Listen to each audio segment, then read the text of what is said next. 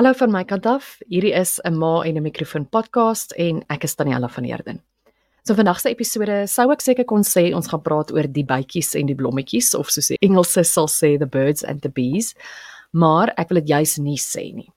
Want daardie woorde is gekies wanneer 'n mens nie iets op die naam wil noem nie. As jy nie die woord seks wil gebruik nie en ons wil in hierdie episode juis leer hoe om oor seks te praat. So ek dink 'n mens moet daarom eers 'n onderwerp reguit en direk en sonder skroom op die naam kan noem voor jy daaroor kan praat. En dan wil ek net vir julle vertel waarom ek besluit het ons hieroor moet gesels vandag.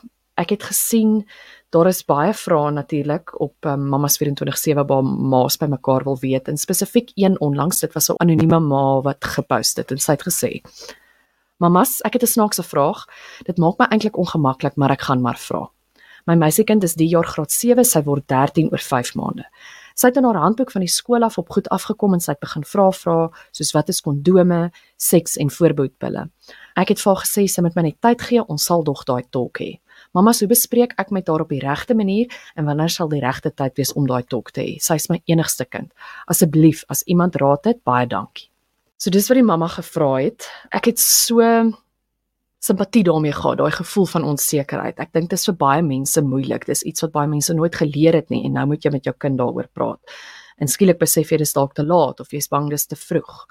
So dit, dit is regtig net 'n onderwerp wat ek dink ons oor kan leer en veral vandag met selfone en tegnologie en wat hulle so maklik toegang het tot pornografie. Daarom is ek baie baie dankbaar dat Marita Rademeier vir ons tyd gemaak het in haar propvol skedule. Sy is 'n kliniese sielkundige van Pretoria en 'n kindersielkundige. Sy werk al jare lank met hierdie kwessies. Niks is vir haar ongemaklik of taboe nie. Sy weet hoe om dit te hanteer. Nou ek het 'n lang lys van vrae wat ons in 'n beperkte tyd moet deurwerk, so kom ons spring sommer dadelik in. Marita, dankie vir jou tyd met hierdie baie belangrike gesprek en ek dink een wat soveel ouers oor wil luister en antwoorde nodig het en die tema van hierdie episode is hoe om met jou kind oor seks te praat maar ek dink ons moet 'n bietjie omswaai en ons moet begin en te sê dalk die eerste antwoord hoe moet 'n mens nie met jou kind oor seks praat nie Ek dink die grootste fout wat ouers kan maak is om nie met hulle kinders oor seks te praat nie. As 'n mens nie met jou kinders die gesprek aanknoop nie of as jy baie awkward is of wat is die Afrikaanse woord? Onge ongemaklik is daaroor, dan gaan jou kinders die boodskap kry dat seks is 'n onderwerp waaroor ons nie praat nie of iets waaroor mamma of pappa ongemaklik is en dan gaan jy nie die go-to persoon vir jou kind wees nie. So selfs al knoop 'n mens die gesprek eenmalig aan met jou kind, dan gaan hulle nog steeds jou nie as die go-to persoon beskou nie want 'n een eenmalige gesprek is nie eintlik uh, gesprekvoering en gaan nie met jou kind se ontwikkeling pas hou soos wat hulle blootgestel word aan meer dinge gaan die onderwerp begin verander. So so vroeg as moontlik met kinders te begin gesels oor lyfies en die reëls van lyfies sodat jy die go-to persoon is vir jou kinders.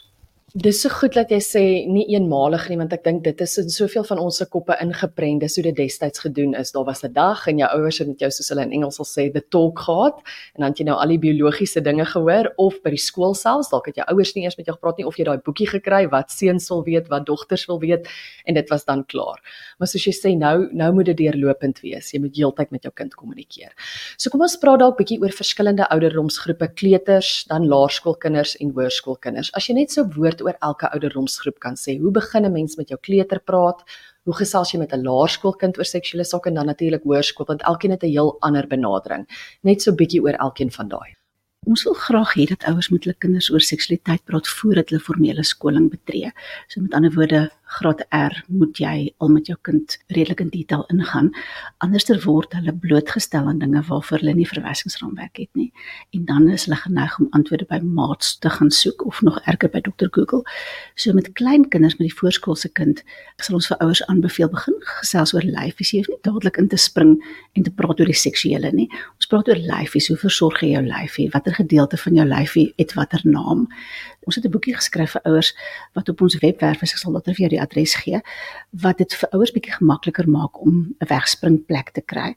Want die groot probleem lê by ouers se ongemak oor die onderwerp, nie kinders nie. Kinders vind dit eintlik baie interessant meeste van die tyd. So jou kleintjie gaan baie geïnteresseerd wees in hoe sy gegroei het in jou baarmoeder en hoe haar lyfie ontwikkel het. Dis eintlik ouers wat wat ongemaklik is. So die groot ding is ouers moet hulle eie ongemak te bowe kom en gesprekke aanknoop. So met die klein kind begin 'n mens met lyfie, hoe jy jou lyfie versorg en die reëls van lyfies. Met die laerskoolkind sal 'n mens meer begin gesels oor die biologiese funksies, maar ook die waardes begin deel met jou kind. Want as jy nie die waardes deel nie, gaan jou kind nie daai waardes rondom seksualiteit leer nie. Want Dr. Google gaan dit definitief nie vir jou kind leer nie en die skool ook nie. Dis nie die skool se plek om waardes vir jou te leer nie. So om in die laerskoolkind sal ons 'n gesprek voer en sê seksualiteit is baie spesiaal dis iets wat die Here vir ons gegee het wat in die huwelik gebeur en dit gaan tussen 'n mamma en 'n pappa wat lief is vir mekaar en wat hulle lewens uh, aan mekaar gewy het. So dis die tipe gesprekke wat ons met die laerskoolkinders sal hê en dan die hoërskoolkinders teen daai tyd moet 'n mens al hopelik ideaal gesproke 'n oop eerlike gesprek met jou tiener kan hê. En dan gaan kinders baie keer kom met ander tipe vrae. Wat is verskillende seksuele oriëntasies? Mamma, wat is seksbou? Want kyk, jou kind kan die plakkate langs die pad sien, nê? En dan gaan hulle seksbou sien. Mamma, is dit wat ek dink dit is? Mamma, wat is seks toys? Baie laerskoolkinders kom al met daai vrae, maar teen die hoërskool gaan hulle met 'n paar curveballs na jou toe kom en baie keer is daai goed moeilik om te beantwoord. Maar 'n mens moet probeer om so ver as moontlik jou reguit gesig aan te sit en oop en eerlik met jou kinders te kommunikeer. Het jy dalk vir ouers 'n paar voorbeelde van hoe mense sulke moeilike vrae kan antwoord? Sê net maar ek weet van 'n vriendin wat gesê het haar laerskoolkind het na toe gekom en gesê mamma wat is 'n blowjob of 'n kleuter wat vra wat beteken seksie? Hoe antwoord jy sulke vrae? Hoe antwoord jy dit nie? Ek neem aan jy moet nie amper kwaad vir die kind lyk like, uit hierdie vraag of dan per daai geïrriteerde reaksie van waaroor jy dit? So hoe antwoord mense sulke vrae? Wat jy dalk gedink het hierdie kind is nie reg om te weet nie. Ja weet jy absoluut. Kinders gaan hulle gaan 'n ding hoor en hulle gaan nie weet wat dit beteken nie. So ons kan nie bekostig om kwaad te wees of afgryse te wys vir 'n kind of iets wat hulle vir ons bring nie. Hulle weet nie wat dit is nie.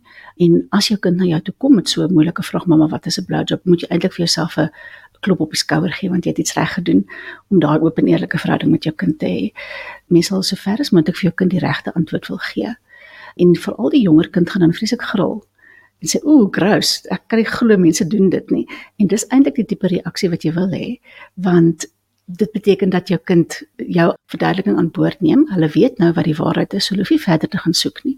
Want as jy nie vir jou kind sê wat dit is nie, gaan hulle dit soek. Hulle gaan vir maatjies vra, hulle gaan hopelik nie die sonnaarskool juffrou vra nie, maar enigiets kan gebeur. Hulle gaan aanhou soek vir inligting totdat hulle dit kry. Want die kind se brein is mos nou so bedraad dat hulle nuuskierig is en wil weet. Jou kind ken jou, jou kind kan sien as jy 'n ontwykende antwoord gee. As dit vir jou te veel is in die oomblik, kan jy altyd vir jou kind sê skat gee vir mamma net 5 minute laat ek net daaroor gaan dink. En jy weet kry jouself bymekaar en gaan dan terug en gee jou antwoord want ja, ouerskap is maar vol curveballs nê nee, en ons kinders word ingelig deur allerlei bronne wat ons self nie meer vertroud is nie. Ons het miskien op universiteit uitgevind wat is 'n is 'n blowjob wat nou wat jou kleintjie nou gaan hoor. So jy hoef nie al die antwoorde onmiddellik te hê nie. Jy kan jouself grasie gee om bietjie te gaan dink. Daar's 'n oulike sosiale media rekening, ek dink is the birds and the bees op Instagram wat die een ma ook gesê het, soms gaan jy foute maak. So sê net maar jy het nie reg reageer nie, moet dit dan nie net wegpraat nie, gaan later terug en sê vir jou kind, jy het vroeër vir mamma iets gevra, um, mamma dalk nie reg opgetree nie of ek het bietjie geskrik toe jy my gevra het, kan ons weer probeer. Ek het nou bietjie gaan dink en ek wil jou graag weer antwoord. So om ook te erken dalk dat jy nie gereed is daarvoor nie. Maar soos jy sê, dis wonderlik as jou kind met jou kom praat, maar dan is daar ook daai kinders wat eintlik nie met hulle ouers wil praat nie of wat in 'n sekere ouderdom is daai daai pre-teens amper wat hulle wil tog net nie met ma en pa oor praat nie. En selfs al probeer die ouers hierdie oop kommunikasie kanale hê hulle probeer met hulle kind praat sê hulle net ag grous maar los my net uit ek wil nie oor praat nie. Hoe maak jy met daai kind wat wat met enige iemand buite met jou oor seksuele sake wil gesels? Die tieners sal met tyd meer waarde heg aan hulle portuïergroep se opinie en minder waarde heg aan mamma se en pappa se opinie. My vader het gesê hulle sal baie keer 'n opinie inneem wat heeltemal teenstrydig is met jou. Nou so as pappa Toyota ry en Boeta sê o nee, Toyota is vreeslike karre, ons moet eintlik 'n Ford ry. En dit is kinders se heilige plig is om hulle ouers se opinies te toets en standpunte te challenge. So mense verwag dit. Ek dink ouers hoef nie die hele vir alles kinders na die tienerjare betree, hoef nie die hele las op hulle self te dra nie dit is van baie waarde om jou jonger familielede in te trek en jou te help om hierdie moeilike sake met jou kinders te te navigeer. So as jy 'n jonger sussie het of 'n niggie of neefie wat in die hoërskool is en wat cool is en jou kind kyk op na daai persoon, haak vir niggie en neefie nader dat hulle kan 'n oogie op jou kind se sosiale media platforms en waarmee hulle besig is en dat daai persoon ook 'n go-to vir jou kind kan word. So daai niggie kan dan aan jou terugrapporteer en dit kan 'n gesprek wees tussen jou en niggie. Daar's baie kanale wat 'n kind kan gebruik. Ons is geneig as westerse ouers om alles op onsself te neem, maar ons moet onthou die village is nog daar en ons ons kan van daai bronne gebruik maak. Baie ouers het ook self nooit geleer nie. Soos ek sê, jy's dalk net 'n boekie in die hand gestop, jy het ergens anders uitgevind. Nou moet jy met jou kind al hierdie verskriklike oop, eerlike gesprekke hê, goed op die naam noem, al die seksuele dinge bespreek en dit is dalk vir iemand regtig moeilik en hulle voel ek kan dit nie doen nie. Ek weet nie hoe om dit te doen nie. Ek kan self nie openlik oor seks praat nie en nou moet ek met my kind oor al hierdie goed praat. As iemand regtig ongemaklik voel, hoe gaan 'n mens met dit te werk sodat jy 'n oop kommunikasiekanaal bevorder of leer om daai kommunikasievaardighede aan te leer terwyl dit dalk net nie vir jou natuurlik kom nie? Weereens dis baie belangrik vir ouers om oor daai blokkade te probeer kom. Party ouers is seksueel uitgebuit as kinders, so die gesprek vir hulle is baie moeilik. Ander mense is self 'n negatiewe waarde rondom seksualiteit geleer. Dis lelik, dis vuil. Ons praat nie daaroor nie. Dit gaan in die pad staan van jou eie vervullende seksuele lewe en dit gaan ook in die pad staan van van dat jy jou kind se go-to persoon word. So ek sou vir ouers aanbeveel as jy kan kan uitpleis wat dit is wat jou wat jou blokkade is werk daaraan. Mens kan met jou eggenoot ook gesprekke hê, mamma en pappa kan saam oefen, hulle kan die boekie deur saam deurlees, met mekaar gesels, jy kan iemand anders vra om dit net met jou te klankbord, jy kan dit oefen in die spieël. Ek dink 'n belangrike faktor wat ouers ook in ag moet neem en dalk nie besef hoe belangrik dit is nie, is die invloed van selfone en moontlike toegang van kinders tot pornografie. Wat sien jy in daardie opsig want ek dink ook baie mense dink hier van die hoërskool af is dit dalk 'n kwessie wat hulle moet aanspreek. Hoe jonk kan kinders al blootgestel word daaraan want baie mense sê ook maar my kind het nie 'n selfoon nie, so die probleem is opgelos. Kinders so jonk as 5 kyk pornografie dit is baie baie baie toeganklik. Ouers sal baie keer dink omdat hulle kind nie 'n foon het nie dat hulle veilig is, maar dit is glad nie so nie want ander kinders by die skool het fone. Kinders kan pornografie kyk in die laerskool wanneer hulle wag vir hulle bilbeerd in cricket. Jy weet, kinders kyk pouse, kyk hulle pornografie. Ons het al kinders van graad 7 gehad wat kleintjies in die badkamer vaskeer en graad 1 sien hulle dwing om pornografie te kyk en dat daar 20 kinders deurgeloop het voordat die eerste een gepraat het daaroor. En ouers is gewoonlik die laaste mense om te weet waarmee hulle kinders besig is of waar aan hulle blootgestel is want dis veral as jy nie met jou kind gesels het oor seksualiteit nie, hoe kan jou kind vir jou kom verduidelik mamma ek het pornografie gekyk as hulle nie die woorde het nie. So ons sal baie keer jong kinders sê wat wat vertel tannie ek het op op YouTube gesien hoe daar kaal mense is wat stoei en hulle het mekaar seer gemaak want hulle het geluide gemaak ek kon hoor hulle kry seer wat die kind verduidelik is hulle is blootgestel aan pornografie, maar hulle het nie die woorde daarvoor nie. 20 jaar gelede het 'n mens nie nodig gehad om hierdie tipe gesprekke met jou kinders in diepte te voer nie, nee, miskien 30 jaar gelede, want pornografie was nie so toeganklik nie en kinders het nie praatjies gemaak daaroor nie. Vandag het jy laerskoolkinders, ek wil vir jou sê algemeen teen graad 5 dat hulle praatjies maak oor pornografie en oor seks en seksualiteit. En dis nie daar noodwendig waar onderwysers hulle kan hoor nie en as die kinders nie die woordeskat het nie, is dit ook nie iets wat hulle aan hulle ouers kan oordra nie. Ek het met 'n kind gewerk wat in kuns het hy een of ander kunswerk gemaak en 'n ander kind graad 5 het hom gesê dit lyk soos 'n sekstooi. En toe het hy sekstooi gaan Google en op 'n afgryslike goed afgekom soos wat jy kan dink. En dit toe na my kom oordra, maar nie aan sy ouers nie want hy het nie die woorde daarvoor nie en sy ouers het 'n um, bietjie meer terughoudende houding gehad rondom seksualiteit so hy het ook nie gemaklik gevoel om dit met hulle te bespreek nie. So die die blootstelling is ongelooflik algemeen. Ek wil vir jou sê in die tyd wat kinders graad 6 is, het hulle waarskynlik is hulle waarskynlik al blootgestel aan ontoepaslike seksuele inhoude. Ook nie net pornografie nie, maar ook as jy as jy kyk op Netflix of eh, DStv of waar ook al, jy kry reekse wat geweldige oorwerte seksuele inhoud het daar's een reeks, ek kan nie naam onthou nie waar daar vrouens is wat wat seks het met mekaar wat skokkend is. En jou kind kan dit kyk as jy nie die regte software of die regte settings op jou TV het nie. Ek kry sommer so beklemming as ek hierdie goed hoor want ek dink dit is daai besef van van jou kant af kan jy doen soveel as wat jy wil, maar jou kind gaan op ander maniere en deur tegnologie dalk blootgestel word aan goed wat nie in jou beheer is nie. So hoe maak 'n mens as jou kind na jou toe kom en hulle het so iets gesien en veral sê net maar hulle het iets gesien wat regtig grafies is en wat hulle eintlik in 'n mate getraumatiseer het. Hoe tree mens op as jou kind daai pornografie gesien het en en iets daar het daai klein hartjie en oogie seer gemaak?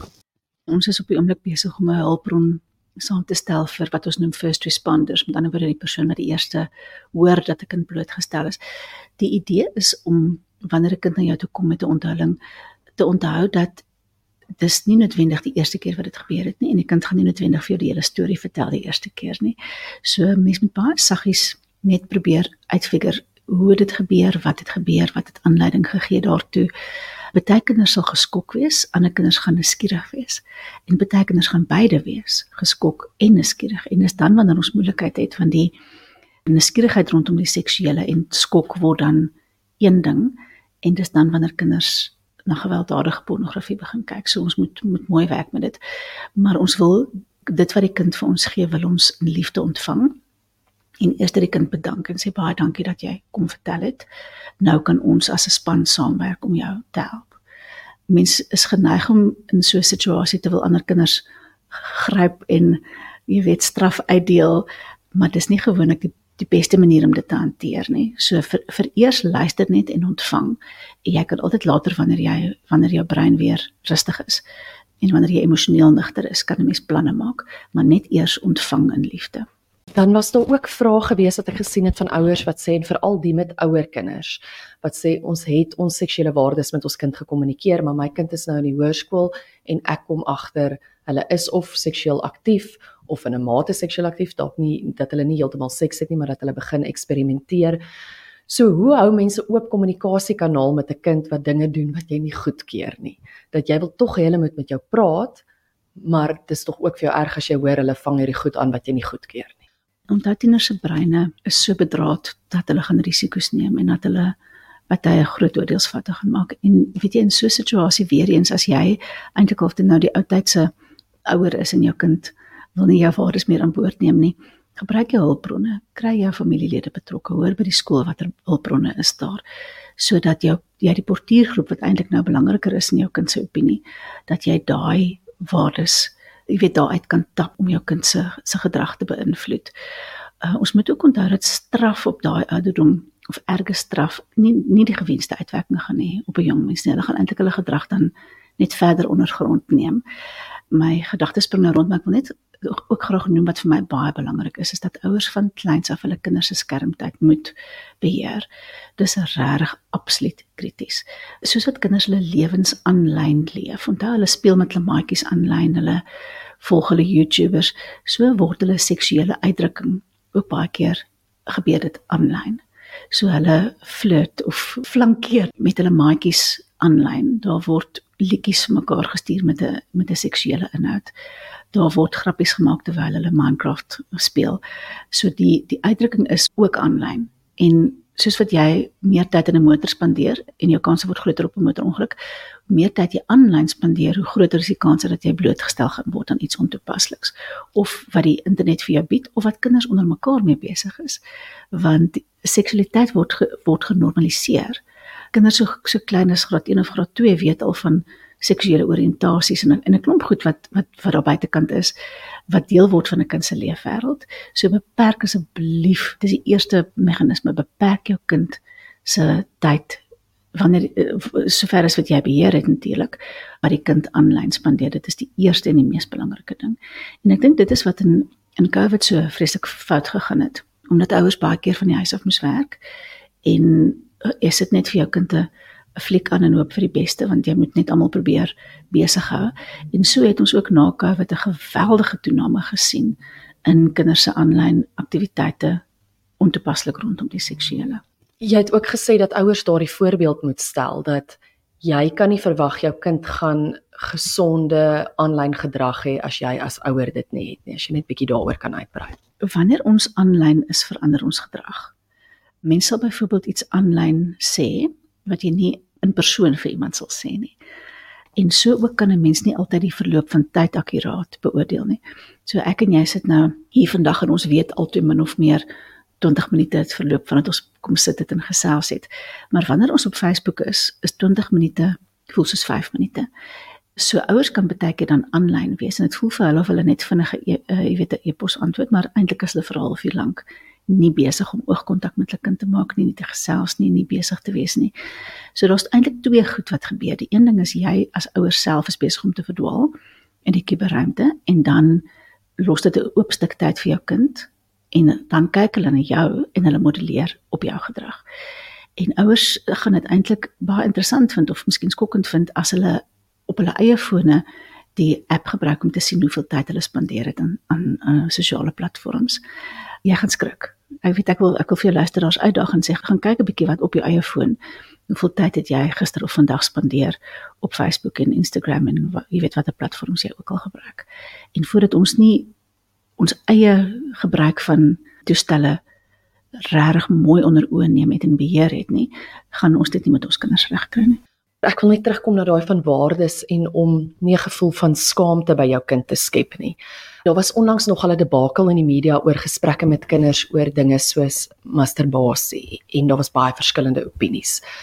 Hoe sal jy met 'n kind oor so iets praat, oor 'n kind wat hulle eie lyfie ontdek? Want ek dink daar is vir baie kinders en selfs ouers skaamte aangekoppel.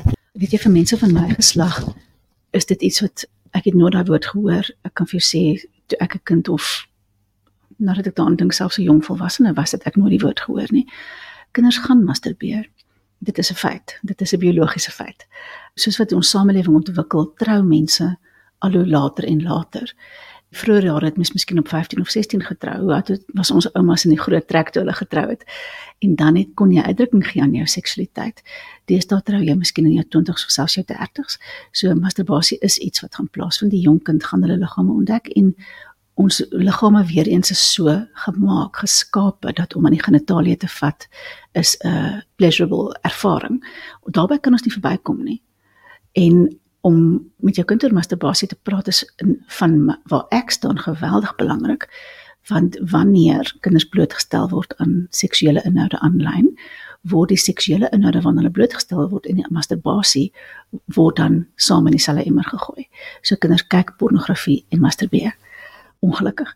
En dan word die kind se seksualiteit skeef getrek want nou is dit verwronge beelde wat jy sien wat vir jou prikkeling veroorsaak. En dit kan later in jou lewe in jou intieme lewe vir jou geweldig moeilik wees want normale seksuele normale lyf is nie meer vir jou prikkelend nie. En so kry ons ook baie jong mense nou in hulle 20s en 30s wat nie 'n vervullende seksuele lewe kan hê sonder pornografie nie. En dan het jy eintlik 'n derde persoon in die vertrek saam met jou vir jy en jou vrou en Camilla of wat ook al haar naam is of mense wat pornografie self vervaardig van hulle self nie wat noodwendig wat geskryp is nie. So masturbasie gaan plaasvind en jy kan kies of jy die persoon wil wees wat dit met jou kind bespreek en jou waardes rondom dit aan hulle oordra en of jy dit gaan oorlaat vir die wye wêreld wat nie 'n saak het met jou kind se seksuele gesondheid nie. En ouers het daai keuse.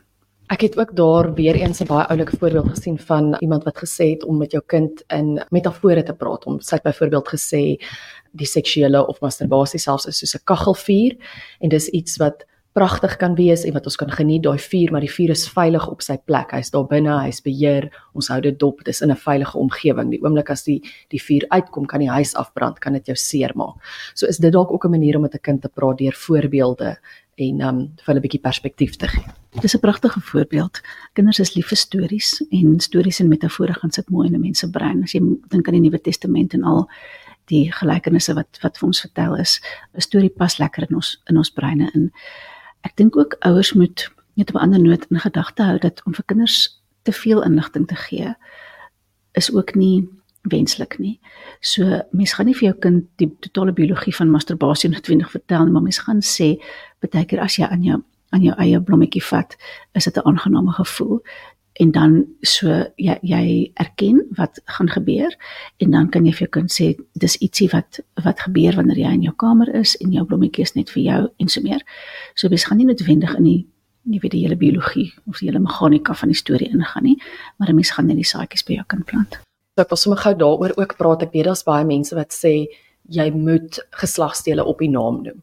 My kinders is nog klein, so ek voel partykeer dit self bietjie ongemaklik om die woord vagina vir 'n 3-jarige te gebruik. Kan 'n mens ander woorde ook gebruik, maar ook vir hulle wys wat is die biologiese korrekte name? Ons noem dit dit, soos jy sê blommetjie, maar dit is 'n vagina. Hoe praat mens oor daai dinge met jou kind? Dis 'n dis 'n baie goeie vraag. Ons sal vir vir klein kinders sê dit is jou blommetjie. Die groot mensnaam daarvoor is 'n vagina. So dat kinders weet groot mense gaan daarna verwys op 'n sekere manier, maar dis reg dat ons 'n troetelnaampie het in ons huis. Wanneer 'n mens 'n troetelnaampie het vir jou kind se geslagsdele, is jy ook besig om dit te normaliseer en 'n liefdevolle wil ek amper sê of 'n snaakse komponent daaraan te wat ook net kommunikasie daaroor vergemaklik. So daar's absoluut geen reël dat jy vir 'n kind moet leer wat is 'n penis of 'n vagina nie, maar dat hulle dan net weet wat die groot mense voor daarvoor is sodat as daar 'n gesprek daaroor is, hulle weet waaroor daar gepraat word. Soveel insiggewende lesse Marita. Ek dink baie mense gaan ook hier geluister het en amper soos ek ook 'n beklemming voel veral oor hierdie pornografie ding en wat vir ons voorlê as ons kinders laerskool toe gaan en ek weet dit is nou goed wat ons moet hanteer. Is daar nog hoop ten spyte van van die wete dat jou kind aan al hierdie goed blootgestel gaan en kan word?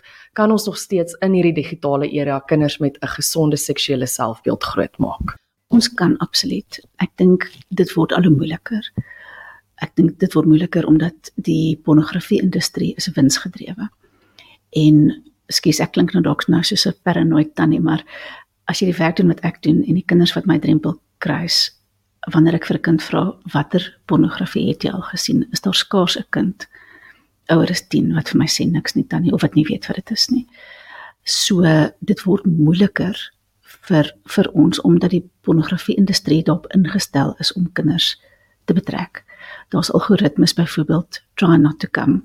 Ja, so nou die challenges en daai aspek challenge en al daai goed. Daar's nou op Pornhub is daar challenges vir kinders en dit is baie duidelik. Daai algoritmes is geskryf om kinders te betrek. So ons moet ouers moet weet wat buite gebeur. Ouers moet weet dat daar baie baie baie dollars in hierdie industrie is en dat dat mense nie omgee oor jou kind se gesondheid nie en dat 'n mens baie waaksaam moet wees en baie wakker moet wees om jou kind veilig te hou en ook om jou kind te help om self veerbaar te wees om nie betrokke te raak by daai praatjies nie om nie as die kinders pouse daar staan waar die wifi kan opvang en hulle staan in 'n sirkeltjie probeer om nie by hulle aan te sluit nie.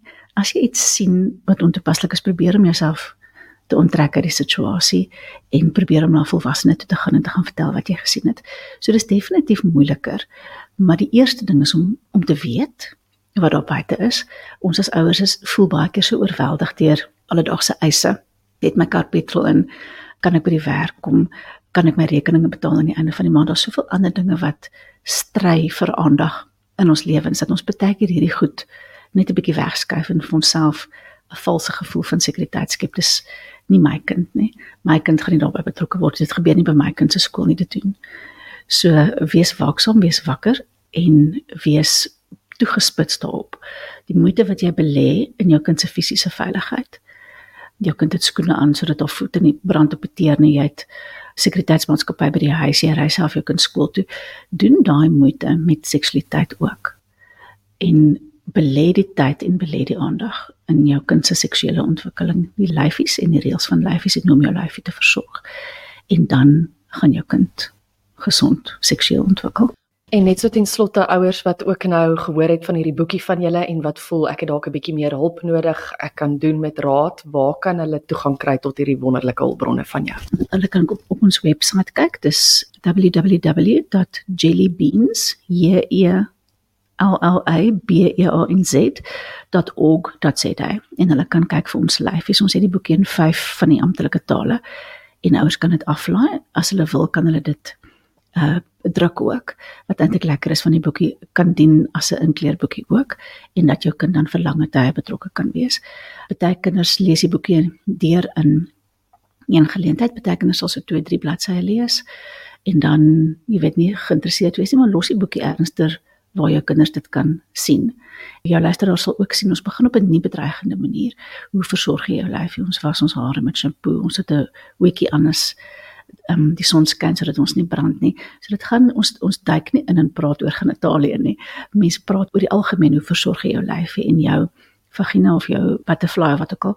Een van ons kliënte noem dit 'n pension. Ja, jou vagina se pension. Moet hom baie mooi oppas want enige nie om nodig het. Sodat dit ook genormaliseer word. Dis dis een deel van jou lyfie waarvoor ons ook spesiaal sorg. Baie dankie. Ek het baie geleer. Ek glo almal wat hier geluister het ook. Het jy enige laaste woord of net 'n laaste sin wat jy graag die mammas en pappas ook wat hier luister mee wil wegstuur? Daar's so baie dinge wat in die wêreld aangaan op die oomblik en ons is baie keer op survival mode as groot mense. Ek sal graag vir luisteraars wil aanmoedig geniet jou kind. Geniet hierdie tyd want dit gaan verby. En dan as jy weer kyk word jou kind amper 30 soos myne en dan is daai daai tyd is verby. So koester dit, geniet dit leef bewustelik met jou kind want want hierdie seisoen in jou lewe gaan verbygaan. Baie dankie. En dit was dan ons gesprek oor hoe om met jou kinders oor seks te praat. Dis nie noodwendig lekker nie. 'n Mens is so bekommerd oor al die dinge wat buite jou beheer is. Maar ek dink Marita het ons daarop gewys hoe belangrik dit is om oop kommunikasiekanale met jou kind te hê, dat hulle moet weet hulle kan met jou oor enige iets kom praat. En ook om eerlik te wees met jouself oor jou eie denkwyses, dalk dinge wat jy geleer het wat nie reg is nie um, of dat jy meer gemaklik met jouself, jou eie lyf, jou eie seksualiteit moet wees sodat jy vir jou kind 'n veilige hawe kan wees, nie Google nie, dat hulle jou oor enige iets kan vra. As jy dalk nog opvolgvrae het oor hierdie episode, stuur dit gerus vir my. Ek sal antwoorde kry of met Marita gaan gesels. As jy idees het vir nog episode, stuur dit gerus in. Tot 'n volgende keer. Onthou, jy is die beste ma vir jou kinders.